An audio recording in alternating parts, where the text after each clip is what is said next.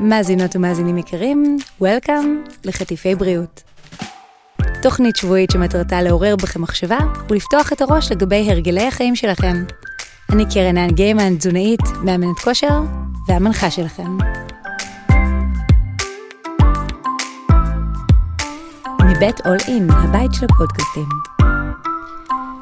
כמה נאמר וכמה עוד ייאמר על ספורט במהלך ההיריון, ובעיקר בתחילת הריון. מה אפשר ומה לא כדאי, עד איזה דופק אפשר להגיע, האם צריך להפסיק לשחק כדורעף, האם כדאי דווקא להמשיך לשחות. כדי לעשות סדר אחת ולתמיד בכל השאלות, הזמנתי לשיחה את דוקטור אורי ארליך, מנהל יחידת האולטרסאונד לנשים ויולדות בבית החולים מעייני הישועה, רופא נשים בשירותי בריאות כללית, וגם חבר קרוב והרופא האישי שלי. דוקטור ארליך, אולי נקרא לך אורי לצורך ההקלטה הזו, מה דעתך? אני חושב שזה השם שנולדתי איתו. זה השם שנולדת איתו, גם אה, בוא, בסופו של דבר אנחנו אה, חברים, אז, אז למה לא? אז אה, אורי, הסיבה שהזמנתי אותך היום זה כי אני חושבת שאנחנו יכולים לנהל כאן שיחה מאוד מאוד מעניינת, שבעצם משלימה את שני הצדדים, אני כמאמנת כושר, ואתה באמת כרופא שמגיע מהפן היותר מדעי, אז בואו נצלול לתוך הנושא שלנו להיום. ספורט בהיריון ובפרט בתחילת הריון. בהחלט. נכון? למה לדעתך נשים בתחילת ההיריון קצת יותר חוששות מאשר בשלבים מתקדמים יותר, או שזה בראש שלי וזה לא נכון? קודם כל, אה, אישה בתחילת הריון היא בחוסר ודאות, במיוחד בהריון ראשון.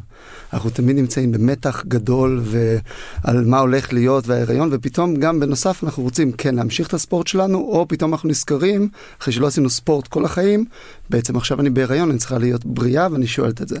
והרבה מטופלות מגיעות אליי בתחילת הריון. אנחנו עושים את האנמנזה, קודם כל מאוד מאוד חשוב, לפני שאנחנו בכלל מדברים על ספורט בהריון, לדעת מה ההיסטוריה הרפואית של האישה, mm. לעשות בדיקה מלאה. כי הרבה פעמים השיחה של הספורט היא עולה ראשונה, ואז אני אומר לה, תעצרי שנייה, מי את? Hmm. ואז אנחנו מתחילים, מכירים, אני תמיד בשיחה הראשונית שלי עם אה, אישה בהריון, אני שואל, מי את? מי הבן זוג? מה את עושה בחיים? להכיר קצת את הסביבה של האישה, איפה היא עובדת, ואז אנחנו לאט לאט מתחילים להכיר את האישה, מכירים שאין שום גורמי סיכון, ואנחנו נעבור על זה אולי בהמשך השיחה היום. בטח, אולי, אולי כבר נעבור על זה, כי בדרך כלל... אומרים, גם אני אומרת שכל מה שיכלת לעשות עד עכשיו את יכולה להמשיך, עוד רגע גם נדבר על זה שאפשר גם להתחיל אם לא התאמנת מעולם, אמ, אבל תמיד אני אומרת, והכל כפוף באישור רפואי, כלומר שהרופא יגיד שאפשר ואפשר. עכשיו מהצד שלי כמאמנת כושר זה הדבר האחראי לעשות, כי לי אין את הכלים לדעת האם יש לה התוויה נגד וכדומה. אז לצורך העניין, מתי אתה תמליץ לאנשים נניח to take it easy או אפילו לא להתאמן בכלל? אז קודם כל יש, יש אה, מה שנקרא קונטרה אינדיקציות, התוויות נגד מוחלטות. אישה עם מחלת לב, אישה עם, עם סיפורים הריוניים של, של בעיות רציניות, תפקודי, דברים שיכולים להפריע לה להתאמן, ועכשיו היא הולכת לעבור שינויים פיזיולוגיים, וגם אם היא מתאמנת אני צריך לדעת לספר על זה. אז אישה שיש לה יתר לחץ דם לא מאוזן, יש לה מחלת לב לא מאוזנת, דברים כאלה אני צריך לעלות עליהם בהתחלה. אישה כזאת אנחנו אפילו קצת יותר עובדים בשיתוף פעולה. אני, הרבה פעמים מה שאני מפנה אישה להיריון בסיכון גבוה, זה לא שאני אומר, אני לא אטפל בך. הריון בסיכון גבוה אומר שאנחנו נעשה מעטפת, בוא נדבר עם הקרדיולוג שמלווה אותך, בוא נדבר, נדבר עם האנדוקרינולוג שמלווה אותך, וככה אנחנו בעצם יכולים להתאים לאישה את הטיפול הנכון אה, להיריון ולהתאים לה את הספורט. לא אומר לא לעשות, אבל בטח לשלוט על זה בצורה יותר טובה. אז אם היה איזשהו מצב בריאותי, אה... קודם להיריון, אז, והיא פיתחה לעצמה את אותו מנגנון פעולה, זה לאו דווקא מתאים בהיריון. עכשיו, האם יש מצבים של נניח נשים שהן בריאות לחלוטין, ועשו הכל כמו שצריך לפני ההיריון, ועכשיו אה, משהו התפתח והן לא יכולות, כלומר שזה קונטר אינדיקציה כזו? אז עוד פעם, זה כבר בהיריון עצמו, נגיד יש לה הריון שהיה לה סיפור של לידה מוקדמת, עשינו לה תפר בצוואר. בהיריון הקודם. כן, קודמת לא, אה, לידה קודמת בעבר היא לא סיבה לא לעשות ספורט, בהחלט לא, תלוי הסיבה, עוד פעם, בגלל זה אני אומרים, תמיד תתייעצו עם הרופא שלכם שמכיר אתכם הכי טוב. כי אני צריך לה, להבין מה היה בהיריון הקודם, ויכול להיות שזה באמת היה לא קשור ל, ל, אה, לספורט או לפעילות גופנית ואני אמשיך לעודד אותם כי בסופו של דבר פעילות גופנית עוזרת מאוד לאישה בהיריון ואנחנו לא רוצים לגרום לאנשים אה, להיות במצב... לפחד, לפחד לחשוש. מ, לפחד, כי בסופו של דבר, הכלל אצבע שלנו, אנחנו צריכים שנשים יתאמנו בהיריון. אפילו האקוג, הארגון האמריקאי, ממליץ לנשים לעשות כל יום 30 דקות של פעילות. עכשיו, בדרך כלל, בשביל לעשות כל יום 30 דקות של פעילות, והמאזינות שלנו, לא כולן עושות 30 דקות של פעילות, אז אנחנו לא מתחילים עם זה מיד. עושים את זה בצורה הדרגתית, ואפשר לתת להם כמה עצות, אפשר להגיד להם, בואו נגיע לשלוש פעמים בשבוע רבע שעה של פעילות, ולהגיע עד לארבע פעמים בשבוע חצי שעה. לא צריך באמת כל יום, לא צריך להיצמד למה שכתוב. אה, זה הדברים מבחינת ההיריון. עכשיו, אפשר להרחיב, ואני אומר, אז אחרי שעשיתי לאישה את הבדיקה ואת הכל, אז אנחנו עושים. הרבה פעמים נשים שואלות אותי במפגש הראשון של הריון, אחרי שהן עושות, אני עושה אנמנזה, ובסופו של דבר רוב האוכלוסייה היא בריאה. אני אומר לה, תקשיבי, הכל בסדר, אה, הריון זה לא מחלה, זה מצב, ומבחינתי תעשי. תמשיכי את הספורט שאת עושה כרגיל בשלב זה, אנחנו נדבר על זה כשתיכנסי לטרימסטר השני של ההיריון, אלא אם כן את עושה מרתונים, תעדכני אותי. ואז הן עומדות, הרבה פעמים הן עוצרות ואין להן עוד מה להוסיף, אבל אני כן מעודד אותן לעשות את הפעילות הספורטיבית. אמרת מרתון, זה פשוט מאוד הצחיק אותי, כי בתחילת דרכי כתזונאית צעירה ליוויתי אה, קבוצת אה, ריצה למרתון, ואז אה, ממש באמצע תוכנית האימונים, כשכבר מסיימים מרחק של חצי מרתון, אחת מהמתאמנות באה אליי ואומרת לי, תשמעי, מסתבר שאני אה, ממש אה, מסיימת עוד שנייה חודש שני של הריון ולא ידעתי. ואז הייתה דרמה מאוד גדולה, ובסוף, כמובן עם הרופא וצוות שלם, ליווינו אותה במרתון שלם בהיריון. היא סיימה אותו ממש חודש שישי-שביעי. נכון, אבל... גם פה זה את- אפשרי. פה את בעצם מרימה למצב אחר, שבאמת, אני חושב שכדאי באמת לדבר עליו, שנשים שמגיעות בכושר מעולה, ממשיכות את זה, ויש לי כמה דוגמאות מאוד יפות לתת את זה, כשאני מספר, אה, מספר לה, על המטופלות שלי, אז יש לי מאמנת כושר אחת מדהימה, שהייתה מגיעה אליי, גם כשהיא לא הייתה בהיריון, הייתה מגיעה לתור שלה בריצה מהבית שלה. היא הייתה בריצה, עם תיק עליה וחוזרת בריצה. אז גם כשהיא הייתה בהיריון, היא, היא המשיכה כמובן לעשות את הפעילות הספורטיבית, וראיתי אותה רצה עד, עד השלב, היא ידעה מאוד לעצור את זה, היא גם הייתה מאוד טובה בלאמן נשים בהיריון, ולכן היא ממש שלטה בזה. אבל אם את נכנסת לכושר ב- ואת בהיריון, את לא צריכה עכשיו להוריד ואת לא צריכה להיזהר, ואנחנו נדבר אחרי זה על אה, כל מיני דברים, לעלות לדופק וחום גוף, ונדבר על זה אולי בהמשך. בטח. אוקיי, אז בגדול אנחנו רואים שאם אין איזושהי אה, מחלת לב ידועה, או איזושהי קונטראינדיקציה מאוד מובהקת, ש, שבדרך כלל נשים מגיעות איתן להיריון, אם באמת אישה היא בריאה, לפני ההיריון נכנסה להיריון, אם היא הייתה מאומנת, היא יכולה להמשיך ברוטינה שלה. אם היא לא הייתה, רצוי וכדאי להתחיל, אפילו אתה אמרת לפי הנחיות ארגון הבריאות העולמי, אז בוא נחלק את זה למי שהייתה אה, לפני מאומנת, ומי שמגיעה אה, חדשה. אז לצורך העניין, מי שמגיעה כבר מאומנת, תמיד יש את השאלה האם צריך לעשות איזה שהם אדפטציות מבחינת העצימות. למשל בריצה, האם עדיין עובדים באותם דפקים גבוהים, או האם צריך באמת להקפיד על הקלישאה של אה, 135 או 144 פעימות לב לדקה. אה, אז נניח בפעילות אירובית. אני יודעת היום שההנחיות המעודכנות מספרות לנו שזה מאוד מאוד תלוי. אם אנחנו מגיעים לאימון קבוצתי, כמובן שהמדריכה צריכה רגע לתת הנחיה די כוללת, ואז יהיה איזשהו טווח דופק, אבל לצורך העניין, אם האישה מאומנת, היא יכולה אפילו להמשיך ב-85-90% מדופק מקסימלי, אם היא יודעת מה היא עושה והיא מקבלת הנחיה. מה דעתך על זה? זה נכון מאוד. הדפק, מותר לעלות דפקים בהיריון, זה לא שאסור, ועוד פעם, מאוד חשוב להבדיל בין השליש הראשון להיריון, שבו יש לך עובר שנמצא מוגן בתוך הגן, בתוך הגן. כלומר, גם אם אפילו קיבלת מכה בבטן, לא הגעת לעובר שלך, וכל האנשים שבהיריון שני, שלישי, שהבטן יוצאת להם בשבוע שמונה ואומרות, מה זה הדבר הזה? זה קצת קשור לפיזיולוגיה, צבירת נוזלים והרפיון קצת של, ריצ... של דופן הבטן. אבל זה לא העובר שלה שמה.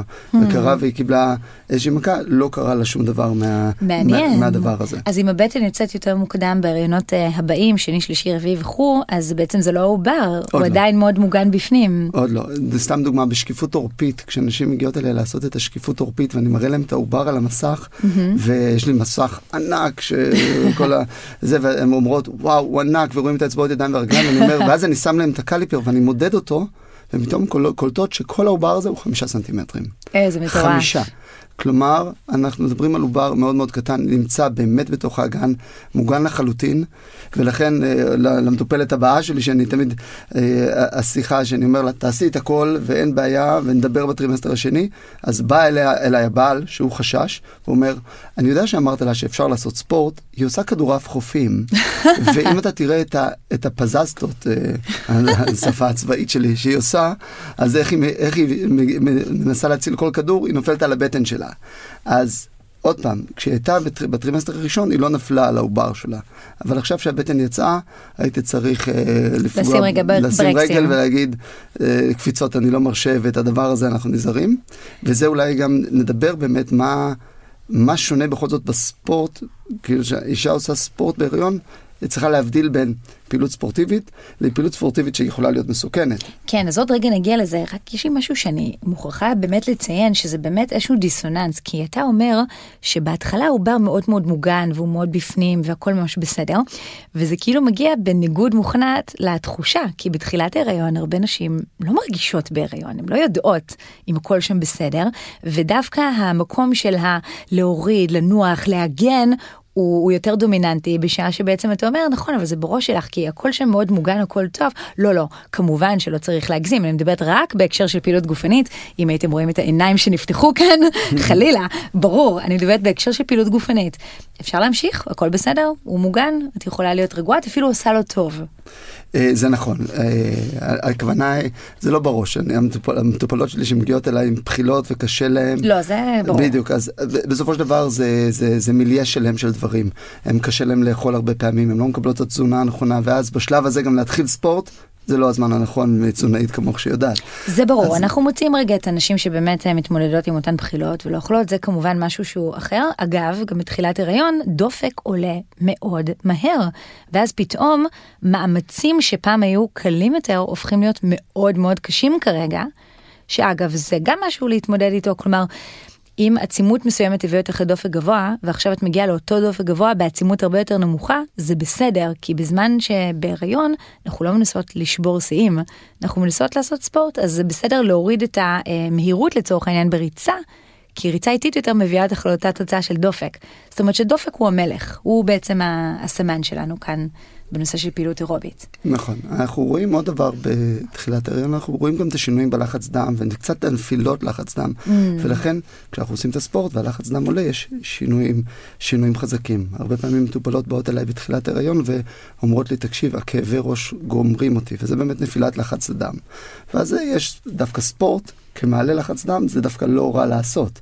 אז זה, זה אחד. Mm. אותו דבר גם עם תזונה, אפרופו אם אמרנו קפאין או משקאות, אז אנחנו לא רוצים להגזים בקפאין בהיריון, אבל מנה אחת של קפאין לפחות מותרת, וכנראה שאפשר שתיים, אבל תלוי כמה אנחנו מפצלים את המנות, וזה קצת מעלה את הלחץ דם. אז עוד פעם, אם האישה הורידה לחץ דם, חווה כאב ראש חזק, ושתתה קפה, ראתה שזה עוזר לה, אז היא יכולה לשחק קצת עם המינונים ולעזור לזה. אבל אותו הדבר, אם פעילות ספורטיבית, משהו טבעי עושה את זה, אז למה לא? מה, מאוד מאוד מעניין. בעצם גם זאת נקודה חשובה, כי צריך לשתף את הרופא, את הדיאטנית, את כל צוות שמטפל בכל דבר שעובר עלייך, כי באמת אינטואיטיבית אומרים, אוקיי, כואב לי ראש, אני אמנע מפעילות, אני אנוח יותר, אני אשכב, ופתאום אתה אומר, אולי תצאי להליכה וזה יביא לך את הכאב ראש. אז גם פה צריך ממש לעשות שיתוף פעולה ורגע ללמוד את הגוף מחדש, כי עוברים עליו דברים שהם לחלוטין שונים ממה שאת מכירה כרגע. אמ, אז אמרנו שבאמת נשים שמאומנות יכולות להמשיך לעשות אה, כדורעף חופים, עד הנקודה שכבר זה לא בטיחותי, ועוד רגע גם נתייחס לזה. אה, נשים בתחילת הדרך לעומת זאת שרוצות להתחיל להתאמן, ובאמת המצב מאפשר שהן לא סובלות מבחילות בלתי רגילות או שהן מאוד מאוד חלשות, ההמלצה היא להתחיל נניח פעילות אירובית ב-60 70 מדופק מקסימלי. כלומר, כן אפשר להתאמן, אבל חשוב לעשות את זה בליווי. כדי שלא את לבד תהיי אחראית, אולי באמת בהדרכה או בקבוצה או משהו כזה, אמ, לנשים שמתחילות נניח להתאמן במשקולות. מה אתה אומר? עוד פעם, בגלל, אנחנו צריכים להיזהר פה על סוג הספורט שנשים עושות. כי נשים שמ-0 ל-100 זה לא נכון בשום מקום. אה, יש לי מטופלת שהייתה מרימת משקולות כל, ה, כל ההיריון ולהרבה לפני ההיריון, והייתי מקבל תמונות מאימא שלה שהייתה שולחת להסתכל מה היא מרימה. אבל מצד שני, כשאתה מגיע אליי, אתה רואה אישה שהיא בכושר טוב, שהרחם, אתה בודק, אתה רואה את הבטן שלה ואתה לא רואה שום דבר, אין שום צניחה, האגן שלה יותר חזק מהאגן של רוב המטופלות שלי, אז אני לא יכול לשנות לה ולהגיד לה, תקשיבי, אה, עלייך להפסיק כי ברור שזה עושה נזק. צריך לדעת באמת להרגיש את הגוף ולהתאמן לפי היכולת של האישה. כן, ו- ולהיות בקשב יותר מהרגיל, לשים לב יותר מהרגיל אה, לדברים שקורים בתוך הגוף, באמת לבוא למעקבים, להיות, כמו שאמרנו קודם, להיות פשוט בקשר עם הרופא שמטפל, עם הדיאטנית, עם המאמנת, ובאמת בכל נקודת זמן בהיריון לבחון אם זה עדיין מתאים, אם זה כבר לא מתאים, ו- וכדומה, כי כן אנחנו רואים נשים שמגזימות. נכון, אה, ספורט, אני, אני רואה נשים ש... עוד פעם, צריך להתאים להם את הספורט, אבל גם, אבל צריך להיזהר עוד פעם, ספורט עכשיו דרך חיים, אני לדוגמה אישית עכשיו, הספורט הפך להיות דרך חיים שלי ואני מבין את זה, אז דווקא בשלב, כשזה הספורט הופך להיות דרך חיים, ואתה הולך להרבה אנשי מקצוע, ואתה צריך לדעת להעריך את זה, ודווקא פה יכולים לעזור לך. דוגמה, כשאישה מבקשת ממני בהיריון אישור לספורט, אז עוד פעם, אני נותן לה את האישור כמובן להיריון, אז אני כותב, אני לא אומר ניתן לבצע ספורט בהיריון, אני כותב מומלץ hmm. לבצע ספורט בהיריון, ו... וזה ההמלצה. אז צריך להתאים את זה, ואם מאמן טוב ואם האישה באמת רוצה באמת לעשות ספורט, אה, והיא כבר עושה את זה שנים, אז עם ליווי טוב היא יכולה להמשיך. אז אם אישה לא התאמנה, באמת, כי זה לא היה בראש שלה והיא לא רצתה, ועכשיו היא מתחילה הריון, אתה ממליץ לה להתחיל להתאמן. כן, מש, מאשר להמשיך לא לעשות.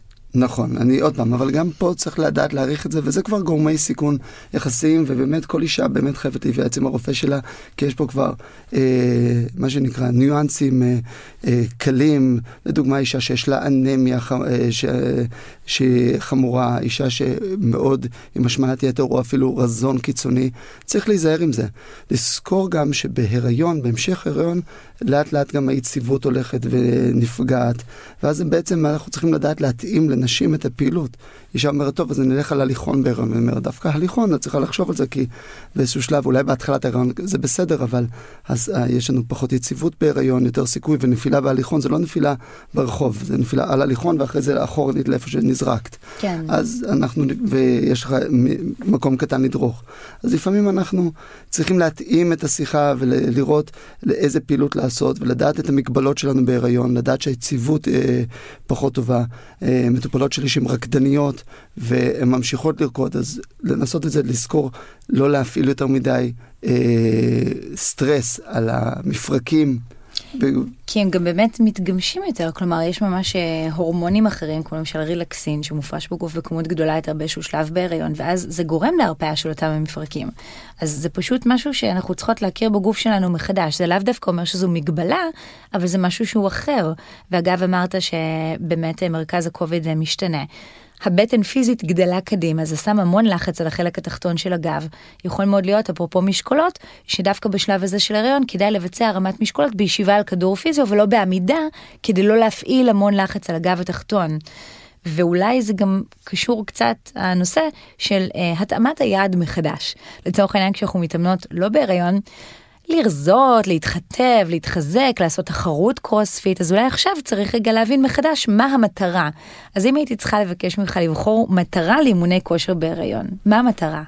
אני חושב שהמטרה, וזה, האמת היא גם, זה כן דווקא כתוב אפילו בספרות שלנו, המטרה היא לא לשפר את ה-well-being של העובר או תוצאות המילדותיות, זה להביא את האישה לכושר, שבעצם הכושר הזה מביא אותה בכושר יותר טוב ללידה.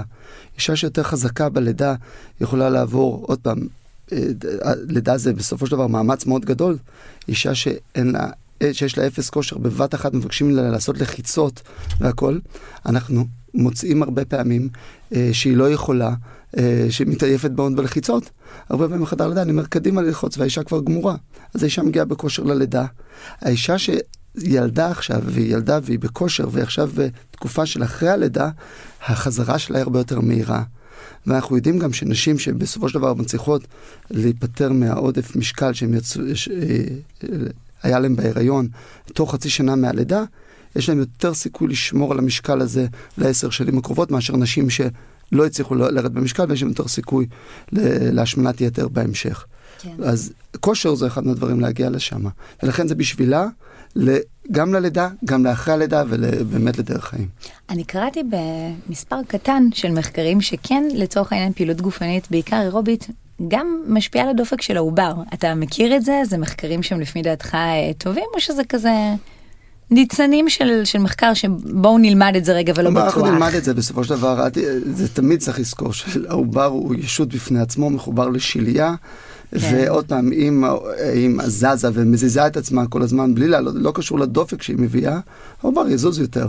אז אם האישה בפעילות גופנית ואני אמדוד לה, זה, יש סיכוי גבוה שאני אמדוד דופק גבוה לעובר.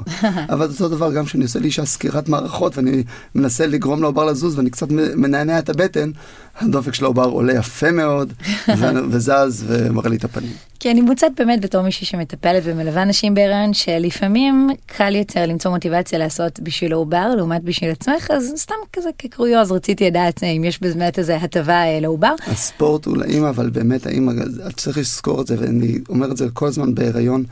העובר הוא מאוד מאוד חשוב בהיריון, אבל המקום הראשון זה האימא, והבטיחות של האימא תמיד תנצח אפילו את העובר. אנחנו לא נסכן את האימא, כאשר אם יש קרב, תמיד האימא בסופו של דבר מנצחת. כי אנחנו חייבים לשמור עליהם. כן, אז באמת להכין את עצמך ללידה זה גם אה, דולה וזה גם כל מיני תהליכים מנטליים וזה ממש גם פעילות גופנית.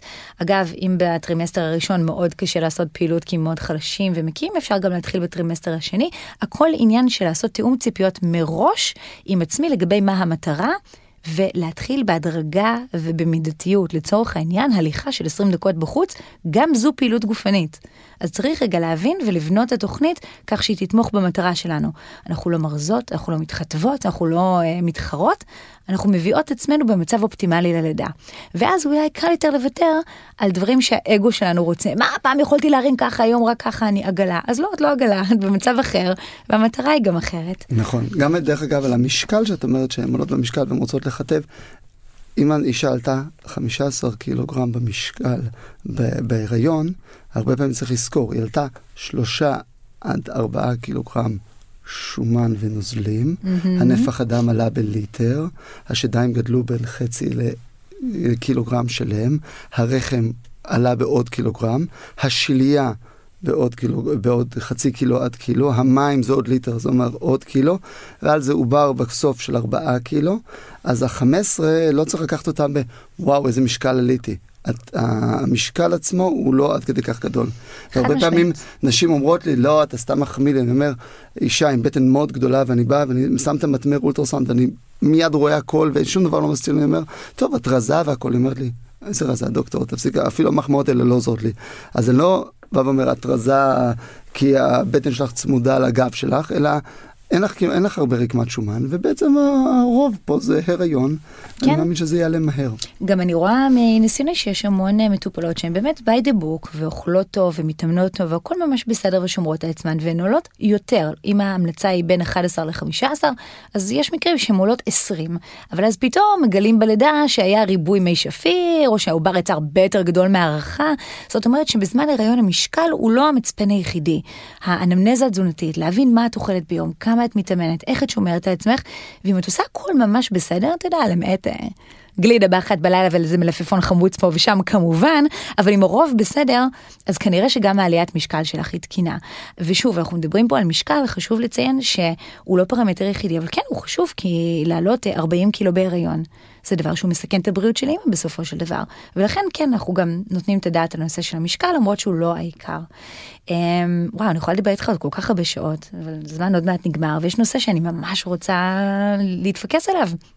שכיבה על הגב בזמן אימון בהיריון. כן, לא, מסוכן, עוצר את זרימת הדם. מה תגיד? אז מותר, קודם כל, אם, אם אנחנו לפני עידן הפודקאסטים ולפני עידן האינטרנט ולפני עידן שקראנו מחקרים, נשים שכבו על הגב עד שהם הרגישו לא טוב. בסופו של דבר, אה, מה שאנחנו מלמדים אנשים ומה שאנחנו יודעים, כשאני בחדר לידה ואישה שוכבת על הגב לפעמים שעות, בלידה עצמה, היא שוכבת עם אפידורל, שוכבת שמונה שעות על הגב. והעובר מרגיש טוב, זה אומר שאין לה את תסמונת הוונה קאבה. בוא נתעכב על תסמונת הוונה קאבה. מה זה, למה בכלל יש את החשש הזה משכיבה על הגב בהיריון מתקדם? בסדר, אז בסופו של דבר, אה, יש לנו בגוף את הניקוז הוורידי שלנו. הניקוז הוורידי הולך, פשוט אתמול במקרה לימדתי את הבת שלי לקראת המבחן שלה ללב בכיתה ו', אז דיברנו, יש ניקוז. איזה over achiever. תקשיבי מתוקה, יש את הניקוז הוורידי של הלב. כן, אבא, תפסיק, תראה לי את הציור ואיפה זה. בדיוק. אז, אה, אז אני עובר, ובעצם אנחנו רואים את הווריד, יש בעצם שני ורידים שמנקזים את, ה, את כל הגוף, שמגיעים ללב. ובסך הכל, את המחזור הגדול, מה שנקרא. יש לנו את הווריד הנבוב העליון שמנקז את הגפיים העליונות ואת המוח, ויש לנו את הווריד הנבוב התחתון שמנקז את אברי הבטן ואת האגן ואת הרגליים. ובמקרה הזה גם את הרחם. אז הכל חוזר דרך וריד אחד. עכשיו, זה צינור, והצינור הזה מונח לנו ליד עמוד השדרה. ובאיזשהו שלב, עם הרחם, שבעצם זה סוג של גוש ענק של שריר שיושב לנו, ולא היה לאישה שפתאום זה שינוי מאוד מאוד גדול, ושוכב לה עכשיו ולוחץ לה על הבטן, אז uh, באותו רגע, אם חסמנו את הווריד הזה, היא תרגיש מאוד מאוד רע. יש שינויים גדולים מאוד בהחזר הווריד, uh, של דם ל- ללב. ואיך זה משפיע על העובר? אז קודם כל זה משפיע על האימא. המקום הראשון שנפגע oh. זה האימא. האימא, פחות דם חוזר לה ללב. היא מרגישה הרבה יותר רע. מאשר העובר. אוקיי, okay. זאת אומרת שהיא תפסיק את זה בגלל שהיא מרגישה רע, או לפני שזה בכלל יגיע לפגיעה בעובר? הרבה לפני העובר. ולכן אה, אנחנו, אנחנו עושים את זה אה, קודם כל לטפל באמא, ולכן אם זה ככה, אז אם, אה, בסופו של דבר אין איסור לישון על הגב בהיריון. האישה תתעורר אם חסר לה אוויר. Hmm. אה, אני, אני מכיר מטופלת שאני רואה אותה ואני קולט שהיא יושבת מולי בצורה לא נוחה, היא אומרת לי, תקשיבי, אני כבר לא יכולה, אני יושבת כל ההיריון, מתחילת ההיריון על צד שמאל, כי אמרו לי. אז וזה, ואת תגלי כמה שזה נפוץ, ואם את תסתכלי אחרי זה על תגובות אולי לפודקאסט הזה, אז את תראי כמה בנות אומרות, ברור, רגע, רק על צד שמאל, מה, מותר לשכב על הגב? אז ברור שכן. גם על צד ימין, לא? על כל צד, וגם אה, עוד עד שלא יוצאת הבטן אפשר גם לשכב על הבטן, עד שיש בטן שאנחנו לוחצים עליה, ואז זה קצת יותר ויותר קשה. אז, אה, אז מותר לשכב, עוד פעם, על הבטן אנחנו לא נשכב, כל עוד כבר הוצאנו, יצא מהבטן ואני שוכב על הרחם, אבל כמעט כל תנוחה אפשרית. לגבי אימונים, אישה מתאמנת, עוד פעם, אם זה אימון ארוך מאוד, שהיא שוכבת עכשיו ומצליחה לשחק, נגיד, עושה איזשהו אה, פילאטיס ארוך או יוגה ארוכה והיא שוכבת המון זמן על הגב, ובזמן פעילות, אז אולי שתהיה טיפה בהטייה לשמאל, אבל עוד פעם, לא לשכב על צד שמאל. Mm-hmm. אבל פעילות מאומצת של אינטרוולים לשכב על הגב, בדרך כלל אין לזה משמעות, ושוב פעם, אם באותו רגע יש איזו חסימה על הווריד, האמא אה, תרגיש מיד לא טוב ומיד תגיב לזה. אוקיי, okay. אז, אה, ועד לשלב לצורך העניין שיוצאת הבטן, כפיפות בטן רגילות שכרוכות בקצת שכיבה על הגב וכפיפת בטן זה דבר שהוא לגמרי אפשרי. הרחם קטן מדי בשביל להשפיע על משהו כזה. יש נשים שחיות עם שרירנים שגודלם עשרה סנטימטרים וזה לוחץ ונוגע שם וזה לא עושה להם כלום. אז ברור שבטרימסטר הראשון, אני באמת לא סתם אומר, תעשי ספורט, תחזרי אליי בטרימסטר השני ונראה איפה את נמצאת. כן, ואז באמת מהטרימסטר השני, שכיבה על הגב, שוב במודעות, בתשומת לב, אבל רוב הסיכויים שזה יהיה בסדר, ואם זה לא יהיה בסדר, מיד את תדעי ותשני את המנח שלך בכל מקרה. אורי, איך נסיים? אני לא מאמינה שכבר הגיע סיום, לא? נכון, רק התחלנו, אבל אה, צריך לסיים, נו, מה לעשות.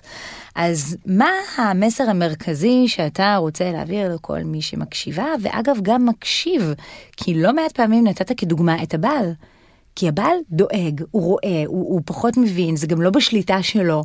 אז לבעלים ולנשים ולאנשים ולנשים ולגברים ולגברים שכל המשפחות למיניהן מאזינים, מה, עם מה אנחנו לוקחים מפה? נניח אם היית צריכה, צריך לסכם משפט אחד. אני חושב שאנחנו, אפשר להגיד ככה, הריון זה לא מחלה, זה מצב שאנחנו נמצאים בו, והאישה יכולה להמשיך או להתחיל, אם לא התחילה פעילות ספורטיבית, זה איזושהי עמדה אפילו לשנות את החיים. כי אישה שלא עשתה עד עכשיו ספורט ופתאום קצת יותר מודעת לגופה, יכול להיות שפה התחילו החיים שלה לקבל תפנית. התחילה ספורט שהיא תמשיך אותו אחרי הלידה. יפה. וזה שינוי גדול. יפה. ואני גם אוסיף שמה שאני לקחתי מכאן היום זה שכל הריון הוא לגופו. אם היה היסטוריה כזו והיסטוריה אחרת עם הריונות קודמים, זה לאו דווקא אומר שזה יחזור, ובאמת בכל תחילת הריון לעשות הערכת מצב עם אנשי המקצוע, ולהבין מה הדרך הספורטיבית שמתאימה להריון הזה בנקודת הזמן הזו שלך. בסדר גמור? לקחתי. אורי, תודה רבה. תודה לך.